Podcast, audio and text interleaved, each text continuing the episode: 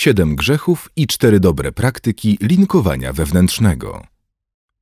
Linkowanie wewnętrzne, czyli co? Jeżeli chcesz, aby Twoje działania w internecie przynosiły zyski, powinieneś zdecydować się na optymalizację i pozycjonowanie Twojej strony internetowej. Jednym z istotnych elementów pracy nad serwisem jest linkowanie wewnętrzne. Nie wymaga ono dużego nakładu pracy, a już na starcie pozwala nam zyskać uznanie wyszukiwarki i użytkownika.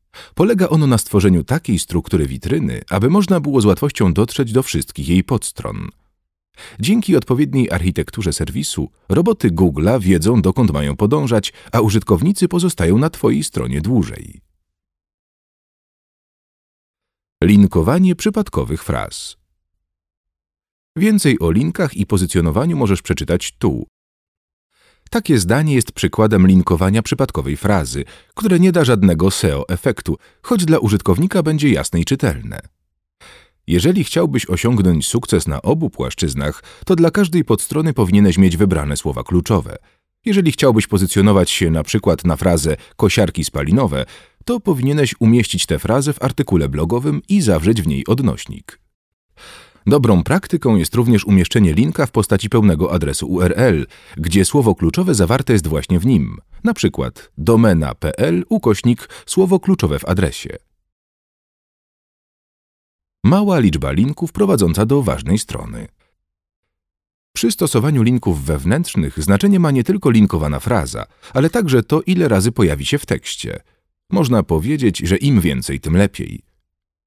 Jeżeli prowadzisz bloga, możesz umieszczać w nim artykuły opisujące Twój produkt, jego zastosowanie, wady i zalety. W takim tekście możesz z łatwością dodać link do produktu.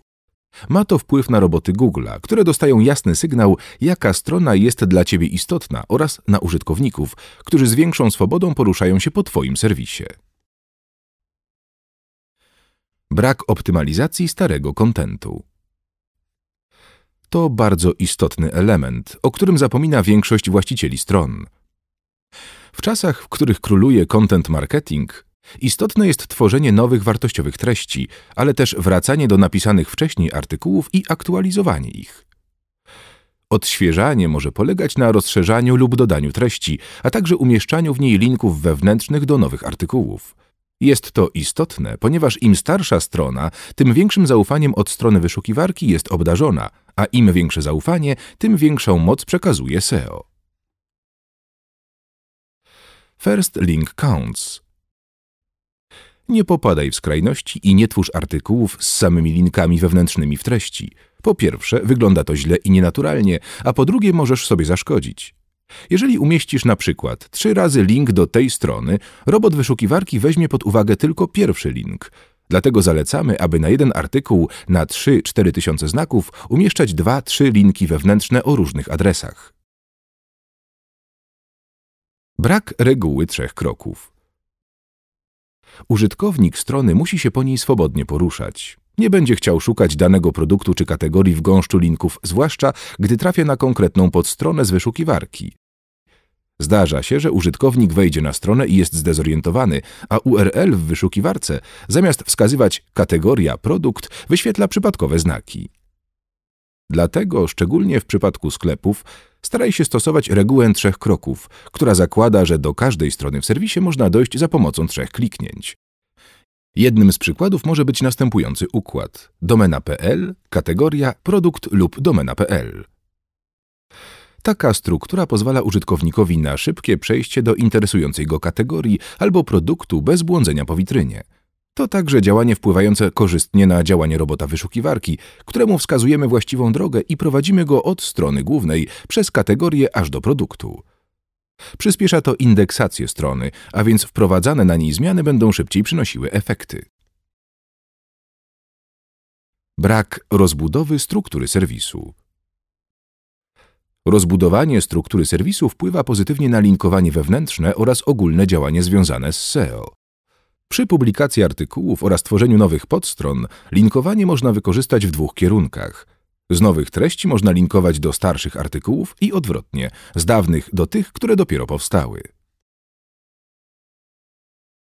Ukrywanie linków przed robotami i użytkownikami. Na koniec przestrzegamy przed stosowaniem zabiegu, jakim jest ukrywanie linków, czyli nadawanie tego samego koloru literom co tłustrony. To także ukrywanie tekstu za obrazem lub ustawienie zerowego rozmiaru czcionki. Możesz robić to nieświadomie, ale pamiętaj, że za takie działanie grozi kara. Często związana jest ona z usunięciem strony z wyników wyszukiwania. Na koniec chcielibyśmy podać cztery praktyki, do których powinieneś się stosować, jeżeli chcesz, aby Twoje linkowanie wewnętrzne było poprawne. Linki powinny mieć atrybut do-follow. Linkowanie musi być różnorodne, przykład z bloga do sklepu, z produktu do kategorii. Ważne jest, aby linkować wpisy i artykuły powiązane tematycznie. Wszystkie linki muszą być takie same, zarówno te z zachowaniem www, jak i bez. W innym wypadku dla robotów wyszukiwarek to dwie różne witryny.